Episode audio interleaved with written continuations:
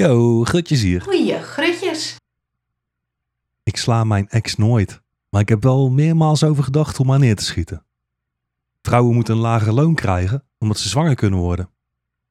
Als je zoon zich een beetje zo begint te gedragen, zeg maar een soort van gay, dan verdient hij een klap. En dan zal hij daarna zijn gedrag veranderen.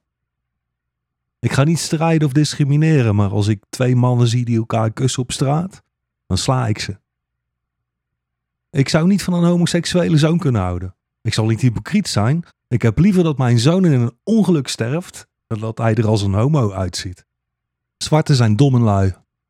Laten we alle leden van de linkse partij neerschieten. Ik ben voor marteling, dat weet je. Met stemmen verander je niks in dit land, nietwaar? Niks, helemaal niks. Je kunt helaas alleen iets veranderen op de dag dat we hier een burgeroorlog beginnen. Als we de klus uitvoeren die de militaire dictatuur naliet. 30.000 mensen vermoorden. Om te beginnen de vorige president.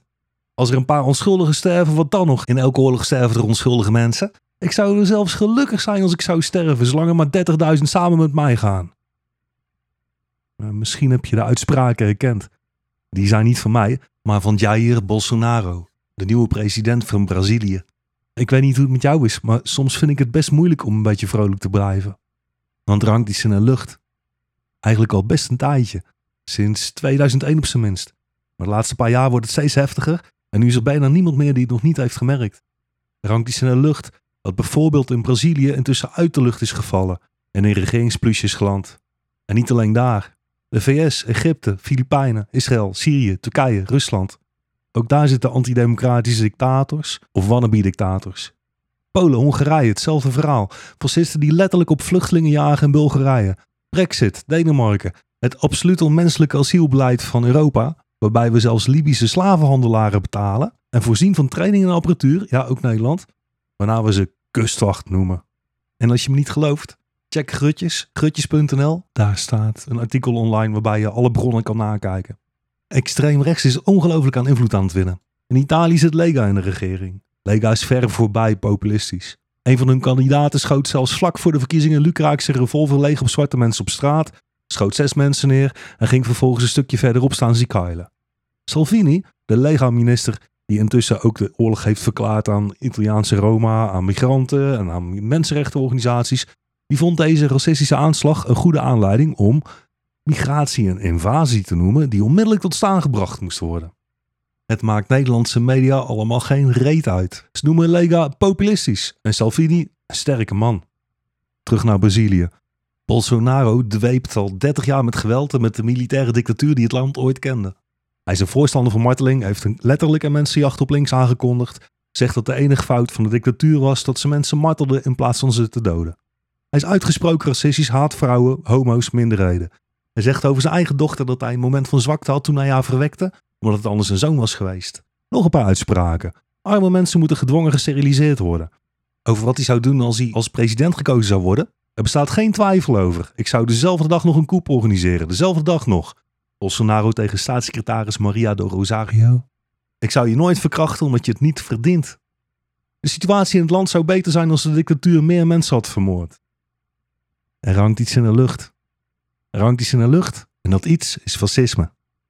Bijna 70 jaar lang hebben we gezegd niemals wieder. Maar nu gebeurt het toch.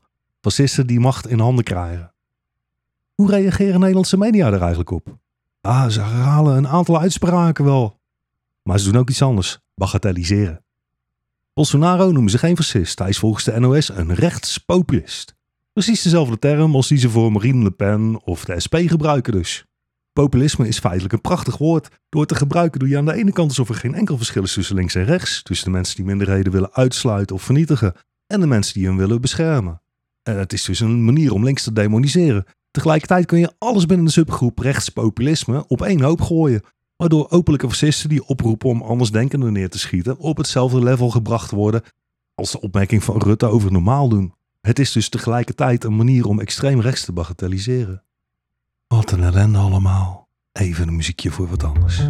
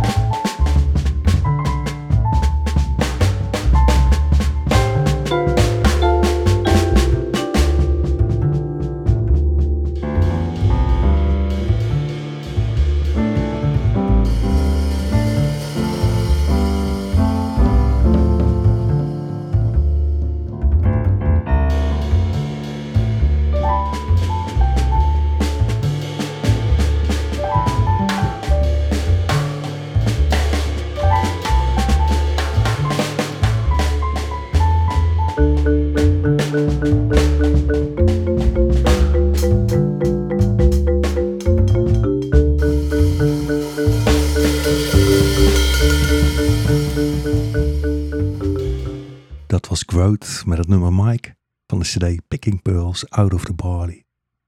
Terug naar Brazilië. Dat Bolsonaro meermaals heeft gezegd een dictatuur te willen vestigen, allesdenkenden neer te willen schieten, 30.000 mensen standrechtelijk te willen executeren, te martelen enzovoorts, vertaalt de NOS onder andere met deze twee zinnen. 1.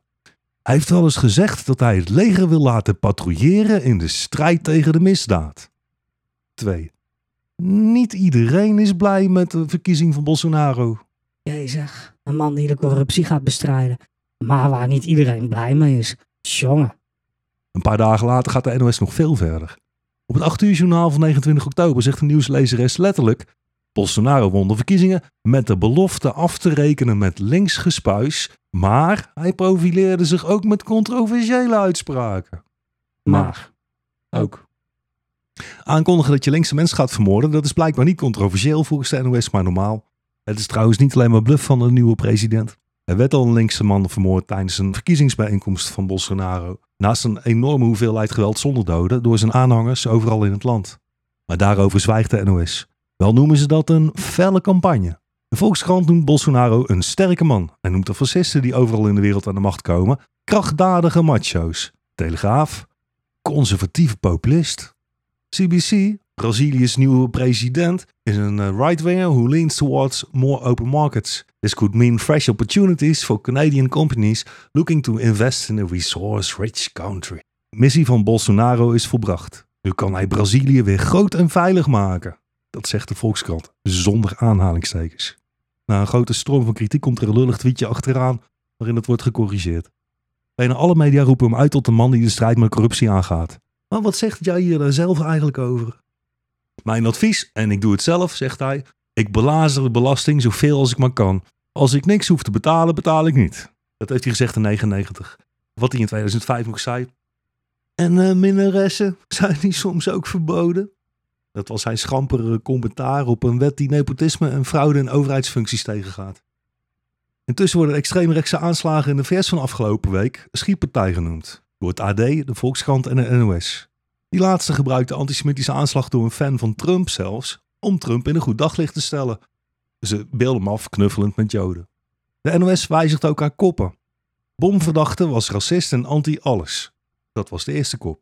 Maar dat werd door de NOS gewijzigd in Bomverdachte was anti-alles. Ook vindt de NOS de aanslag op Soros van een goed moment om antisemitische conspiracy-theorieën over hem te brengen alsof het de waarheid is. Ik heb het vaak over de NOS, gezien hun gedrag en het feit dat ze de markt leiden.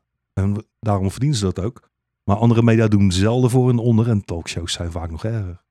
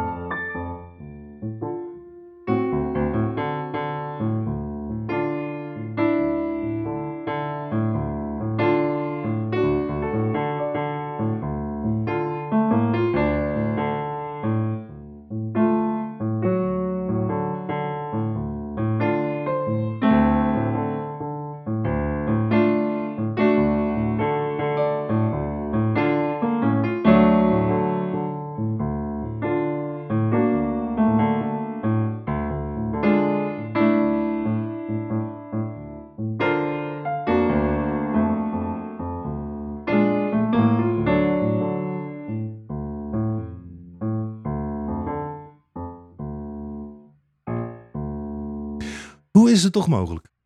Hoe is het toch mogelijk, hè? Dat extreem rechts zo opkomt. Het komt echt helemaal uit het niks. Niemand die begrijpt hoe dit zo plotseling kan gebeuren. Na de VS en Italië en Brazilië zit er dik in dat Nederland gaat volgen. 2018 is het jaar waarin fascisme mainstream wordt. Het is de vraag wanneer zich dat gaat vertalen in verkiezingen en in daadwerkelijk fascistisch beleid.